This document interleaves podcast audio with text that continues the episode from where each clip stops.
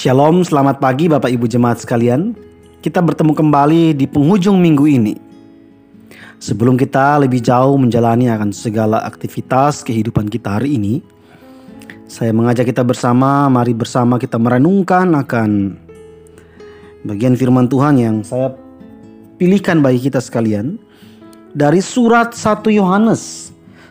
Surat 1 Yohanes 4 ayatnya yang pertama sampai dengan ayatnya yang keenam. Demikian firman Tuhan. Saudara-saudaraku yang kekasih, janganlah percaya akan setiap roh. Tetapi ujilah roh-roh itu apakah mereka berasal dari Allah. Sebab banyak nabi-nabi palsu yang telah muncul dan pergi ke seluruh dunia. Demikianlah kita mengenal roh Allah. Setiap roh yang mengaku bahwa Yesus Kristus telah datang sebagai manusia berasal dari Allah. Dan setiap roh yang tidak mengaku Yesus tidak berasal dari Allah. Roh itu adalah roh antikristus. Dan tentang dia telah kamu dengar bahwa ia akan datang dan sekarang ini ia sudah ada di dalam dunia. Kamu berasal dari Allah anak-anakku. Dan kamu telah mengalahkan nabi-nabi palsu itu. Sebab roh yang ada dalam kamu lebih besar daripada roh yang ada dalam dunia. Mereka berasal dari dunia, sebab itu mereka berbicara tentang hal-hal duniawi, dan dunia mendengarkan mereka. Kami berasal dari Allah. Barang siapa mengenal Allah yang mendengarkan kami, Barang siapa tidak berasal dari Allah, ia tidak mendengarkan kami. Itulah tandanya roh kebenaran dan roh yang menyesatkan.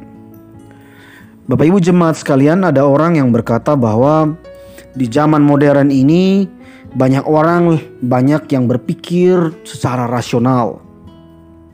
Bahkan cenderung tidak mem mem mempercayai lagi hal-hal yang bersifat supranatural tetapi ternyata anggapan itu tidak selalu benar. Karena dalam dunia hari-hari ini masih begitu banyak orang-orang yang percaya pada hal-hal yang berbau mistik. Jika tersiar kabar ada orang-orang sakti, orang-orang pintar, orang-orang yang punya kemampuan-kemampuan supranatural Terkadang kalau kita amati di TV, justru banyak-banyak orang yang akan berbondong-bondong untuk pergi ke sana. Saya ingat sekali beberapa tahun yang lalu, beberapa belas tahun yang lalu, itu ada kisah seorang anak yang bernama Ponari yang katanya menerima batu dari uh, langit yang dengan batunya itu ketika dicelupkan ke dalam air yang dibawa oleh orang dan diminumi, maka orang akan sembuh. Maka dalam berita di TV banyak sekali orang dari mana-mana berbondong-bondong bawa air untuk menerima celupan batu dari si anak bernama Ponari itu. Ini menunjukkan bahwa ada begitu banyak orang di zaman modern ini yang masih percaya hal-hal yang berbau mistik. Yang demikian. Dalam bacaan kita hari ini pun Yohanes mengingatkan kita bahwa ada beberapa orang yang telah menggunakan hal-hal mistis dengan tujuan menyesatkan hidup orang-orang percaya.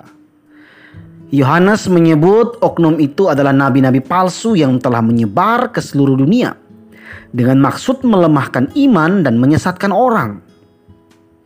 Para nabi palsu itu bahkan mampu menunjukkan berbagai-bagai mujizat dalam setiap pelayanan yang mereka lakukan.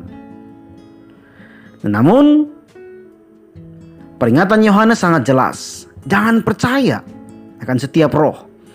Tetapi ujilah roh-roh itu. Apakah roh itu mengaku bahwa Yesus Kristus telah datang sebagai manusia atau malah tidak mengakuinya?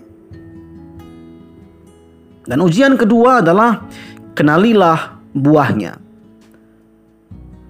Buah dalam kehidupan sehari-hari. Apakah sesuai dengan apa yang dilakukan? Agar dengan demikian kita bisa mengenal seperti apakah pohonnya. Itu yang Tuhan Yesus katakan dalam Matius 12 ayat 33. Firman Tuhan pada pagi hari ini mengingatkan kita akan banyaknya penyesat muncul di akhir zaman. Itu dapat kita temukan dalam 2 Yohanes 1 ayat 7.